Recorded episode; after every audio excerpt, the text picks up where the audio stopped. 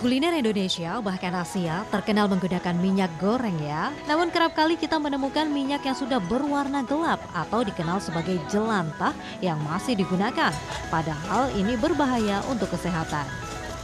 Jelantah itu adalah banyak mengandung radikal bebas, banyak mengandung uh, zat karsinogenik yang uh, menyebabkan uh, tubuh menderita penyakit kanker. Bahkan karena sulit dibuang, jelantah itu juga menjadikan pembuluh darah kita akan menjadi tersumbat. Tak pelak banyak yang membuang langsung jelantah, padahal di alam jelantah juga tak bagus untuk kesehatan lingkungan. Alih-alih dibuang, kini jelantah bernilai cuan.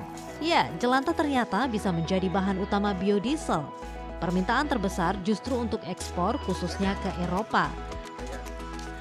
Melihat peluang ini dan kebetulan usaha travelnya terpuruk akibat pandemi, pasangan Imam Sutedi dan istrinya, Sari Hartari, mulai dua tahun ini menjadi pengepul minyak jelantah. Kini profesi ini menjadi pendapatan utama keluarga.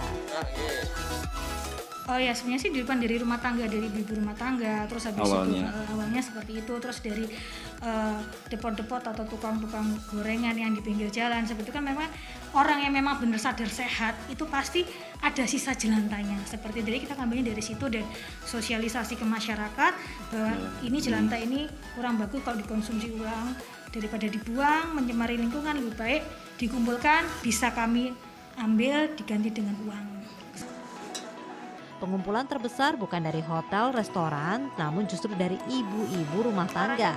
Tak pelak, jaringan ini pun menjadi pundi-pundi pemasukan bagi ibu rumah tangga. Alhamdulillah bisa bantu-bantu suami juga. Sebelumnya? Sebelumnya ibu cuma ibu rumah tangga yang duduk-duduk di rumah. Sekarang alhamdulillah bisa bantu suami. Nilai jelantah pun bervariasi di tiap daerah. Untuk di Pulau Jawa berkisar 4 hingga 7 ribu rupiah per satu setengah liter atau berkisar 1,3 kg. Kriteria jelantah yang diterima juga harus sudah tersaring bersih, tidak tercampur air ataupun komponen lainnya.